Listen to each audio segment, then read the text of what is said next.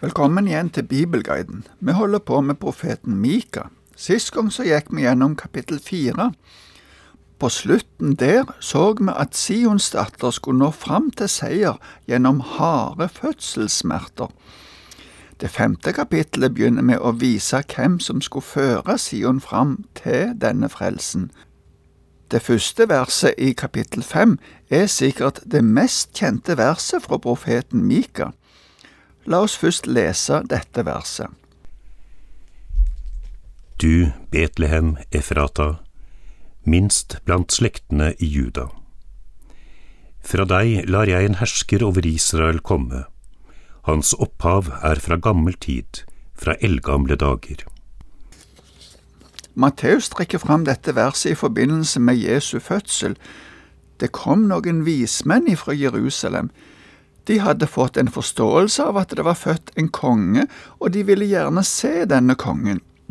Kong Herodes forsto at det ikke var han vismennene var interessert i, men han tenkte det måtte være en realitet som gjorde at de kom.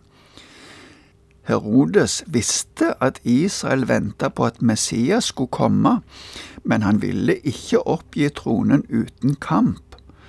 For å få klarhet i hvordan han kunne finne dette barnet, spurte han de som kjente Skriftene. Der var det ingen tvil, de kjente godt det som Mika hadde skrevet, og utpekte med en gang Betlehem som Messias sin fødeby. Selv om Herodes sa han ville reise dit etterpå for å hylle barnet, så kjenner vi til at han hadde en helt annen plan. Vi kan også legge merke til at det var heller ingen av prestene eller de skriftlærde som ble med vismennene til Betlehem. De hadde muligheten til å oppdage sannheten, men tok ikke sjansen på å bli skuffa. Herodes på sin side ble sint da vismennene ikke kom tilbake, og han sendte soldater for å drepe alle barn som kunne være mulige kandidater til dette Messias-barnet. Han gjorde det han kunne for å beholde makta. Da Jesus ble født, kjente folket profetien fra Mika, og de venta på at noe skulle skje, men de gikk glipp av det på grunn av vantru. Navnet Betlehem betyr brødhus. Vi hører om denne byen allerede i Ruths bok. Jesus sier om seg sjøl at han er livets brød. Betlehem er den byen der livets brød kom til jorda. Efrata er distriktet i Juda der denne byen lå, og navnet betyr den fruktbare. Når vi leser evangelien, særlig i Lukas, så ser vi at Gud påvirka den høyeste myndighet i Romerriket for at denne profetien skulle oppfylles. Maria måtte reise til Betlehem mens hun var gravid men det var heller ikke et vanlig barn som skulle bli født. Mika sier også i dette verset at hans opphav, altså barnets opphav, var ifra gammel tid, fra eldgamle dager. Det siste uttrykket her blir av Norsk bibel oversatt med fra evighetsdager. Det er også en del andre bibler som oversetter dette slik. Jesus, som er dette barnet, er nemlig den evige Gud som blei menneske på denne måten. Det var Guds plan for å frelse ikke bare Israel, men hele menneskeheten. Frelsen var ikke bare fra fiendene i Babel og Asyria, men ifra slaveriet under denne verdens fyrste, nemlig djevelen. Men nå skal vi gå videre i teksten hos Mika, i det femte kapitlet. Fra Mika sitt perspektiv ser han bilder av det som denne frelserkongen skulle bety som en enhet, men ifra vårt perspektiv så ser vi at det er lang tid imellom Jesu fødsel og det som står videre om at resten av brødrene skulle komme tilbake, og at fredsriket skulle bli en realitet.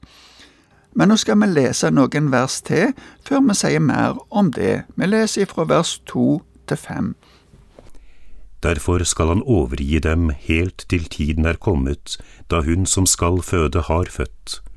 Da skal resten av hans brødre komme tilbake til Israels barn. Han skal stå og gjete i Herrens kraft, i Herren sin Guds høye navn, og de skal bo trygt, for nå rekker hans makt til jordens ender, og han skal være fred. Når asyrerne kommer inn i landet vårt og tråkker inn i borgene våre, da reiser vi imot dem sju hyrder, ja, åtte fyrster. De skal gjete Assurs land med sverd, ja, Nimrods land med dragende våpen, men når asyrerne kommer inn i landet vårt og tråkker over grensene våre, skal han berge oss. Hun som skal føde, som Mika nevner her, er kanskje en henvisning til det som profeten Jesaja sier i kapittel 7 vers 15, om den unge jenta, eller jomfruen, som skulle føde en sønn, og kalle han for Immanuel, som betyr Gud med oss. Videre står det i vår tekst at da skal resten av hans brødre komme tilbake til Jerusalem. Dette kan være en profeti om Israels gjenopprettelse i de siste dager, som vi også har sett tidligere hos Mika. Nå rekker hans makt til jordens ender, står det videre.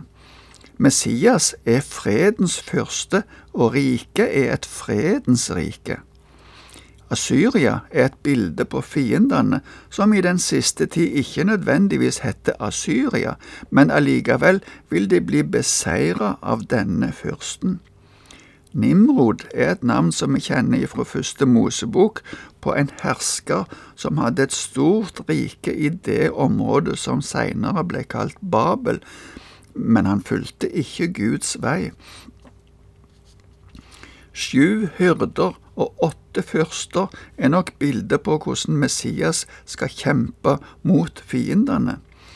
Johannes' åpenbaring taler om sju Guds ånder, og åttetallet betegner det som nesten er mer enn fullkomment. Paulus jubler ut i Romerbrevet 8,37, men i alt dette vinner vi mer enn seier. Nå leser vi videre ifra vers 6 til 8 i Mika 5. Da skal Jakobs rest blant tallrike folkeslag være som dugg fra Herren, som regn på gresset, de venter ikke på noen mann og håper ikke på mennesker. Da skal Jakobs rest blant folkene, midt iblant tallrike folkeslag, være som en løve blant skogens dyr, som en ungløve i saueflokker. Den farer fram og tråkker ned, den river i hjel, og ingen berger. Løft din hånd mot dem som står deg imot, så alle dine fiender utryddes. Her utvider Mika utsagnet om Messias seier ved å vise at Israel, eller Jakobs rest som han kaller det, skal bli til velsignelse blant alle folkeslag. Det er litt forskjellige meninger om hva denne Jakobs rest sikter til. Noen tenker det er de som på Jesu tid tok imot Jesus og trodde evangeliet. De brakte dette evangeliet videre til alle folkeslag. Derfor kommer det ifra disse en velsignelse til alle folkeslag. Andre tenker på at dette handler om en framtidig rolle for de av Israel som i de siste dager blir samla. Det tenkes da videre at Gud har en plan eller en funksjon for dette gjenreiste Israel som skal være til velsignelse for hele verden samtidig som det skildres med et fredelig bilde med dogg og med regn på gresset, kommer det et bilde av ei løve som river i stykker og viser sin makt. Det kan være at dette spiller på at for å oppnå freden, så må fiendene utryddes. Vi leser resten av kapittel 5 fra vers 9 til 14. Den dagen, sier Herren, vil jeg utrydde hestene du har og ødelegge vognene dine. Jeg vil utslette byene i landet ditt og rive ned alle festningene dine. Jeg vil utrydde trolldomskunstene du driver med, og tegntydere skal du ikke lenger ha. Jeg vil utrydde gudebildene og steinstøttene du har, du skal ikke lenger tilbe noe hendene dine har laget. Jeg vil rive opp asjerastolpene som er hos deg, og legge byene dine øde. Jeg vil ta hevn i vrede og harme over folkeslag som ikke vil høre. Dette avsnittet kan peke mer imot den retningen som vi nevnte sist før vi leste dette avsnittet, nemlig at alle Guds fiender vil bli utryddet. Disse fiendene er ikke bare ytre fiendene, det går nok enda mer på den tilbøyeligheten Israel hadde, og også vi har, om å finne mange andre ting eller guder å venne oss til for å få hjelp. For Israel var det noen ganger hester og vogner, andre ganger var det trolldom og spåfolk, eller det kunne være billedstøtter eller andre avgudsbilder. Gjennom hele Bibelen ser vi at Herren vil at vi skal tilbe Han alene, og ikke noen andre, enten vi kaller det guder eller ikke. Gud vil ha førsteplassen i våre liv. De som ikke vil høre Guds ord, vil en gang bli rammet av hans vrede. Det gjelder både Israel og alle folkeslag. Måtte ikke noen av oss tilhøre den flokken. Med dette vil jeg si takk for i dag, og Herren være med deg.